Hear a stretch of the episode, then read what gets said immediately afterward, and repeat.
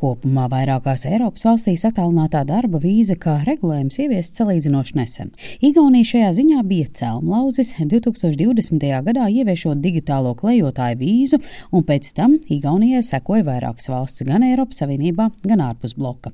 Biedrības ar pasaules pieredzi Latvijā valdes priekšsēdētāja vietnieks Miks Muižerājs stāsta, ka visbiežāk šāda veida vīzu izmanto trešo valstu pilsoņi, kuri strādā IT jomā, dažādās radošās un mākslas profesijās, kā arī tā ir populāra zinātnieku, akadēmisko mācību spēku, veselības aprūpas un finanšu nozars darbinieku vidū. Pagaidām esot grūti izteikt prognozes, cik cilvēkus ar nomadu vīzas starpniecību izdosies piesaistīt Latvijai, jo tas ir cieši saistīts ar to, kādi mūsu valstī būs nosacījumi šai vīzai. Šeit, protams, būs jāskatās arī, ko dara citas Eiropas Savienības dalību valstis, jo attālinātā darba veicēji, jeb tā saucamie, kā viņi tagad eh, tiek saukti, digitālie nomadi, viņi ir salīdzinoši mobīli, viņi diezgan ātri var eh, mainīt savu atrašanās vietu un uzturēties valstīs, kurās ir, nu, piemēram, ātrāks internets savienojums, eh, kurās ir labāka infrastruktūra un tam līdzīgi. Līdz ar to nu, mēs faktiski metam savu cepuru šajā konkurencē par šiem talantiem. Mūžarājs atsaucoties uz starptautiskiem pētījumiem teica, ka izmantojot nomadu vīzu, pasaulē ir nodarbināti ap 35 miljoniem cilvēku. Un 2020. gadā viņu kopējo tēriņu apjoms tika prognozēts uz 787 miljardiem ASV dolāru. Protams, nu, šie cilvēki visi vienlaicīgi nepārceltos, protams, uz Latviju, bet valsts noteikti par šo cilvēku grupu ievieš mehānismus, lai šo cilvēku grupus piesaistītu sev un viņu līdzekļus arī piesaistītu pie sevis. Latvijas mērķis ir nevien piesaistīt augsti kvalificētus trešo valstu pilsoņus, bet arī ar attālinātā darba vīzu veicināt reemigrāciju. Latvijas ārlietu ministrijas īpašo uzdevumu vēstniece diasporas jautājumos Elita Gavela stāsta, ka sākotnēji impulss par nomadu vīzas nepieciešamību nāca tieši no diasporas. Mūsu Latvijas pilsoņi, kuri dzīvo ārpus Latvijas robežām, viņi varbūt arī vēlētos atgriezties Latvijā, bet viņu otrā puse, ja viņa partneri strādā, teiksim, trešajā valstī, šobrīd jau arī Lielbritānijā, un varbūt tas ir tas, kas kavē viņus atgriezties.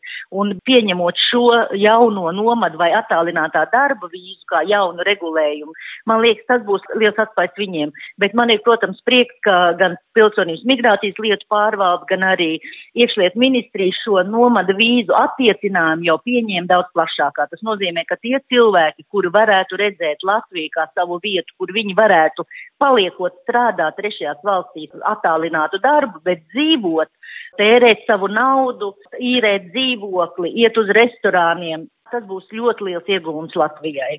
Nomadu vīzas regulējumu atzinīgi vērtē arī Latvijas Tirzniecības un Rūpniecības kameras prezidents Aigars Rostovskis. Noteikti nepieciešams, jo modernā ekonomika attīstās tādā veidā, ka ļoti daudz cilvēki, kas um, darbojās tādos starptautiskajos projektos vai organizācijās, uzņēmumos, viņi faktiski visu laiku ceļo. Līdz ar to viņiem ir vajadzīgi, lai tā vīzu process neaizņem kaut kādu laiku. Jā.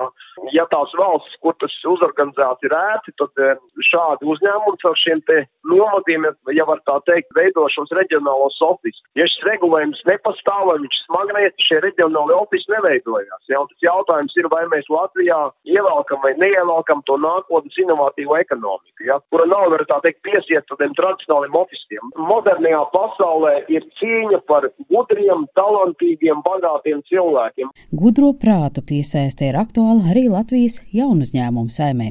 Asociācijas startin.lv vadītāja Olga Baretu Gonsalvisa stāsta, ka pie mums viesosies cilvēki ar pieredzi, augsta līmeņa speciālisti, un šādā veidā būs iespēja dalīties zināšanās ar Latvijā strādājošiem. Tas nākamais līmenis ir um, nu, pie tā scenārija, ka varbūt kādam no ārzemniekiem arī te iepatiksies, kas nolēms palikt uz ilgāku laiku, tad noteikti šādi cilvēki jau kvalificējas kā potenciāli darbinieki mūsu startupos. Līdz ar to mēs noteikti izmantosim visas iespējas vilināt šos te talantus uz mūsu nozarī, jo mūsu nozarē talanta trūkums ir ļoti aktuāla vajadzība. Es aicinu valdību neapstāties pie sasniegtā un turpināt pilnveidot mūsu imigrācijas politiku, lai mūsu jaunuzņēmumiem un um, jaudīgiem ārvalstu specialistiem būtu šīs cita platformā vieglāk miedarboties. Lai likums par attālinātā darba vīzu varētu stāties spēkā, tas vēl būs jāpieņem saimā.